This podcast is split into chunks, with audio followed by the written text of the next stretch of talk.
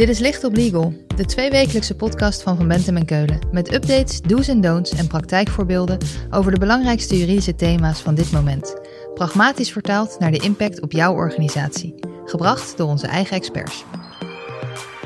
Belangrijk is ook, die ondernemer blijft dus aan het roer um, en de onderneming wordt eigenlijk going concern voortgezet. Als bedrijven in Nederland willen saneren omdat zij een te hoge schuldenlast hebben, dan kan dat in Nederland eigenlijk maar op één manier: failliet gaan.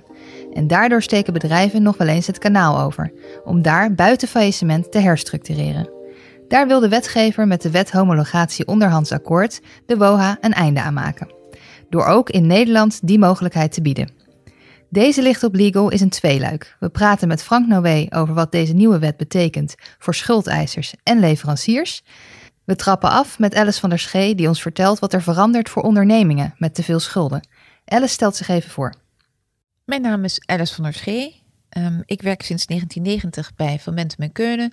Ik ben hoofd van de praktijkgroep herstructurering en insolventie um, en werk dus ook al jaren als curator en bewindvoerder. Alice is al drie decennia insolventieadvocaat, bewindvoerder en curator en heeft in die tijd talloze bedrijven in en op de rand van faillissement geholpen. Alice, de WOHA komt eraan. Wat gaat er veranderen? Nou, de WOHA is een nieuw herstructureringsinstrument. En dat herstructureringsinstrument gaat een belangrijke lacune in de Nederlandse wet uh, opvullen. En we verwachten dat, dat, uh, dat de WOA nu op korte termijn zal worden ingevoerd. Het is ook in de afgelopen maanden een beetje gehyped, omdat uh, men stelde dat dit instrument ook zeker in het licht van de COVID-19-pandemie een absoluut noodzakelijk is uh, voor bedrijven in Nederland die willen herstructureren. Het is in andere landen veel meer gebruikelijk uh, om um, uh, bedrijven niet in faillissement te brengen, maar voor faillissement uh, in een procedure te brengen, zoals in Engeland in chapter, in Amerika in chapter 11 en in Engeland in een scheme of arrangement. En wij hebben dat in Nederland niet en de WOA vult die lacune dus op. Wat betekent dit in de praktijk? Schulden saneren doe je nu in faillissement. En nu kan dat dus ook buiten faillissement? Ja, het is zo dat in de huidige praktijk kan een ondernemer met te veel schulden proberen om aan zijn schuldeisers een akkoord aan te bieden. hij kan zeggen: Ik heb uh, uh, 5 miljoen um, uh, schulden en ik heb maar 3 miljoen eigenlijk die ik aan de crediteuren kan betalen. Dus al, al die crediteuren moeten een korting zeg maar, op hun schuld accepteren. Niemand vindt het leuk om een korting te accepteren. En het is in de praktijk dan ook echt heel moeilijk gebleken om die crediteuren ervan te overtuigen dat zij met minder dan die 100% genoegen moeten nemen. Het is zo dat ze, uh, je moet dan met waardebepalingen komen, je moet een accountantsrapport hebben. Um, en hoeft er maar één het niet te willen en dan, ligt het, eh, dan is het akkoord in duigen. En dat is dus uh, in Nederland echt heel moeilijk. En we krijgen dus nu een instrument waarin dus ook die tegenstribbelende um, crediteuren eigenlijk aan het akkoord um, mee moeten doen. Uh, het wordt hen eigenlijk opgelegd. Het is een dwangakkoord. Uh, en dat, is, dat hebben we tot nu toe nog niet. Wat kan er dan nu? Um, nou, we krijgen een nieuw, een nieuw instrument. Het is een traject buiten faillissement. Um, en in faillissement, dat heeft in Nederland toch nog een uh, negatief stigma. Um, de ondernemer blijft tijdens uh, dit uh, traject zelf aan het roer staan. Um, en dat is anders. Hè. In een surseance krijgt de ondernemer een, een bewindvoerder naast zich. En in, in het faillissement wordt hij helemaal opzij gezet. Dan is de curator degene die het voor het zeggen heeft. Um, een belangrijk ander element van de WOA is dat um, de snelheid waarmee dit traject kan worden doorlopen. Het wetsvoorstel gaat vanuit dat als alles meezit, het traject binnen twee maanden uh, doorlopen kan worden. En eigenlijk is dat uh, um, heel fijn, want een ondernemer wil ook weten waar die aan toe is. He, hoe langer zoiets duurt, hoe duurder het is um, uh, en hoe onzekerder de toekomst. En dat is nooit goed voor, voor een ondernemer. Is dat een beetje realistisch met alle achterstanden die er zijn bij de rechtbanken door de coronalockdown? Ik verwacht van wel. Um, het is zo dat de rechtbanken zijn absoluut voorbereid. Ze hebben een speciaal groepje rechters opgeleid om uh, deze uh, trajecten te kunnen gaan begeleiden. Um, uh, en ik denk ook dat naarmate je het als ondernemer beter hebt voorbereid, de kans op een snelle herstructurering ook groter is. Hoe minder onzekerheden, hoe, hoe makkelijker het zal gaan. Um, en natuurlijk zullen er hobbels zijn onderweg en misschien is er ietsje vertraging, maar het doel is wel om op korte termijn van je echte grote schuldenlast af te, uh, af te geraken. Belangrijk is ook, die ondernemer blijft dus aan het roer ehm, en de onderneming wordt eigenlijk going concern voortgezet tijdens dit traject. Waar kan je dan allemaal afspraken over maken? Nou, het is zo dat de, uh, de het, gaat, het is de bedoeling dat de schulden worden gesaneerd. Dus uh, je wilt graag dat een ondernemer die eigenlijk niet kan voortgaan met het betalen van zijn schulden, dat die een instrument krijgt waarbij hij van zijn schulden kan afgeraken. En een akkoord onder de WOA houdt in dat je eigenlijk een soort, um, uh, een soort invulling geeft. Uh, ik heb voor de crediteuren dit, deze groep van crediteuren heb ik dit over en voor deze groep van crediteuren heb ik dat over. Um, en iedereen, zo kun je eigenlijk datgene wat er in de onderneming beschikbaar is voor de crediteuren onder iedereen op een gerechtvaardigde manier uitdelen. Um, de WOA zelf is een soort raamwerk. Dat schept alleen maar voorwaarden. Um, en waaronder dat akkoord dan door de rechter kan worden goedgekeurd. Maar over de inhoud van het akkoord zegt dat wetsvoorstel helemaal niets. Dat is dus heel flexibel. Je kunt alle kanten op. Je kunt ook bedenken dat je maar aan één groepje van je crediteuren een akkoord aanbiedt. Bijvoorbeeld alle handelscrediteuren. Um, of bijvoorbeeld alle, alleen alle financiers. Of bijvoorbeeld alleen de achtergestelde crediteuren. Dus je kunt, eh, je kunt onder de WOA, die dus heel flexibel is, kun je bedenken: oké, mijn onderneming is er gebaat bij als ik afraak van die groep crediteuren of alle crediteuren. Die moeten in ieder geval een stuk moeten ze um, uh, terug met die vorderingen. Dan, dan ben ik daarna weer levensvatbaar. En dat is dus wat er in de WOA kan gebeuren. Je zegt dus eigenlijk: het is enorm vormvrij. Kan ik dan zeggen, ik maak een afspraak met mijn handelscrediteuren, want daar heb ik het meeste last van.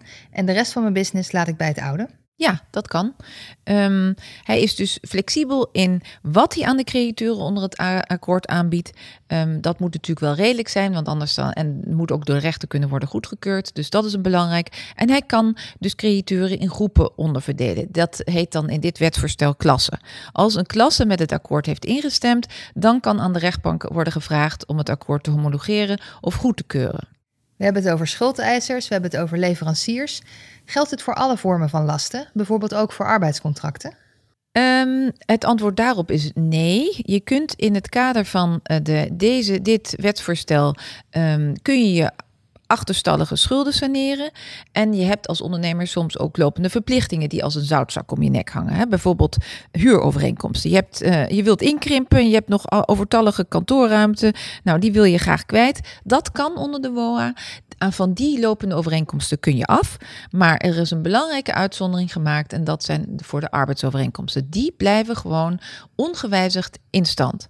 En um, dat is een van de redenen waar, waarom ik denk dat dit wetsvoorstel minder in de praktijk gebruikt zal worden voor um, de gemiddelde ondernemer, omdat die vaak geconfronteerd wordt. Uh, op het moment dat je moet inkrimpen, dan moet je ook inkrimpen in je personeel. En dat kan onder dit instrument niet. Nee, maar dat kan in een faillissement wel.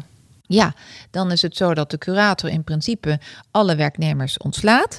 En in het kader van de doorstart um, kan dan een derde, die dan die doorstart organiseert, kan dan zelf bedenken welke werknemers wel of niet dan meegaan met de doorstart. Het klinkt als een zegen voor bedrijven die het moeilijk hebben, omdat je zo'n dwingend akkoord krijgt met je schuldeisers.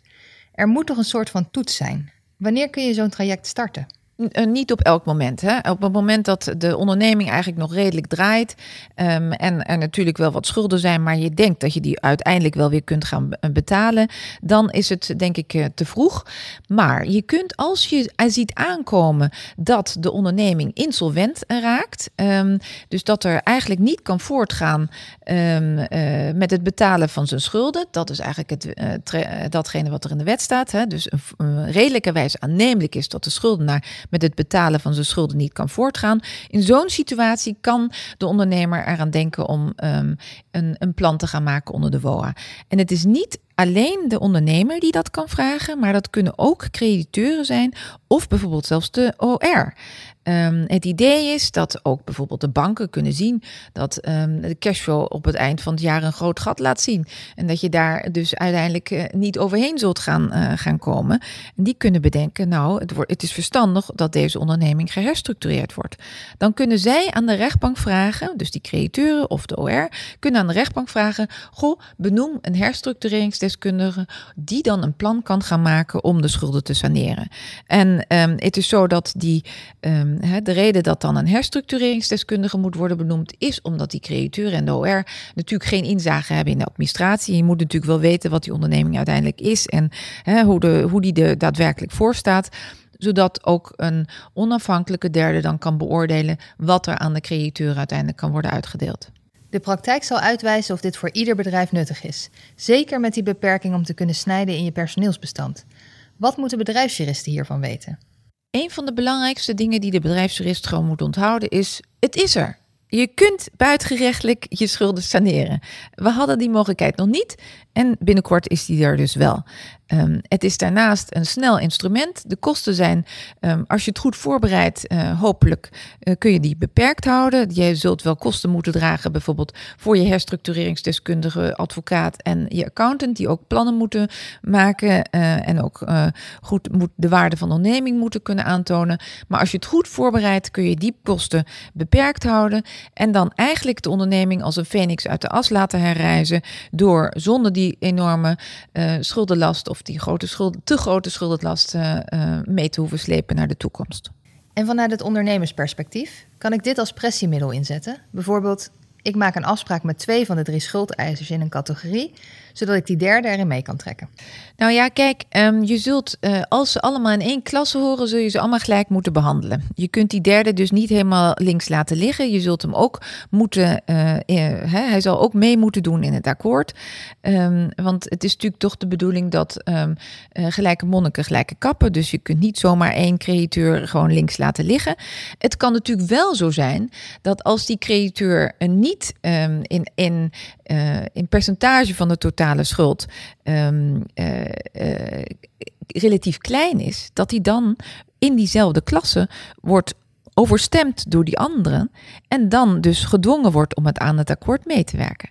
Dus het kan wel zo zijn dat als er strategisch iemand um, in een bepaalde klasse, uh, dat je die, die klasse zo maakt uh, dat je die vervelende createur die helemaal niets wil, dat je die laat overstemmen door de anderen. Dus de meerderheid van andere createuren die dan wel ermee instemmen. Dus ja, er is zeker een, een mogelijkheid om daar een, um, uh, een, een, een, element van een pressiemiddel zeg maar, te, uh, in te brengen. Maar um, feit is wel dat een rechter ook nog zo'n uh, dit akkoord zou moeten homologeren of goed moet keuren.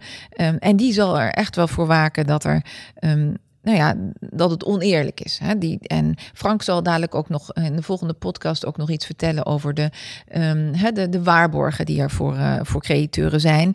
Um, het kan allemaal niet zomaar. Nee. En nog een vraag die bij bedrijven altijd speelt. Wat kost dit?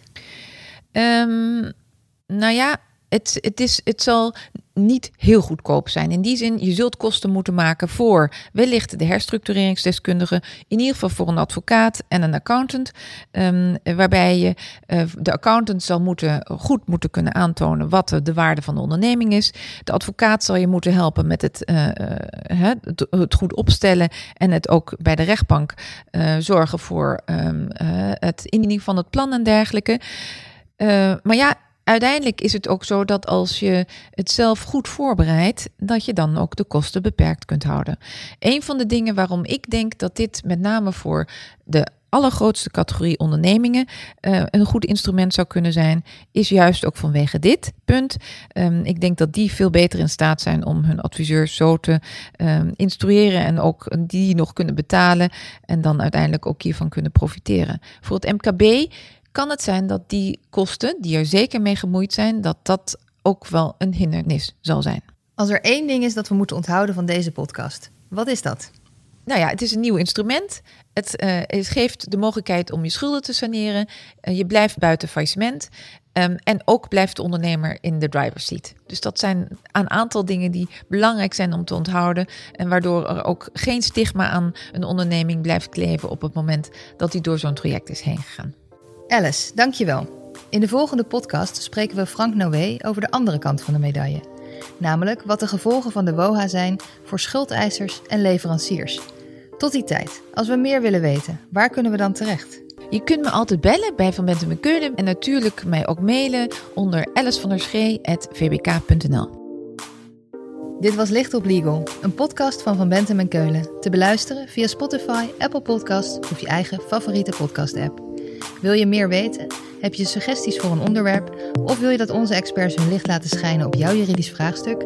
Laat het ons weten via vbk.nl/slash lichtoplegal.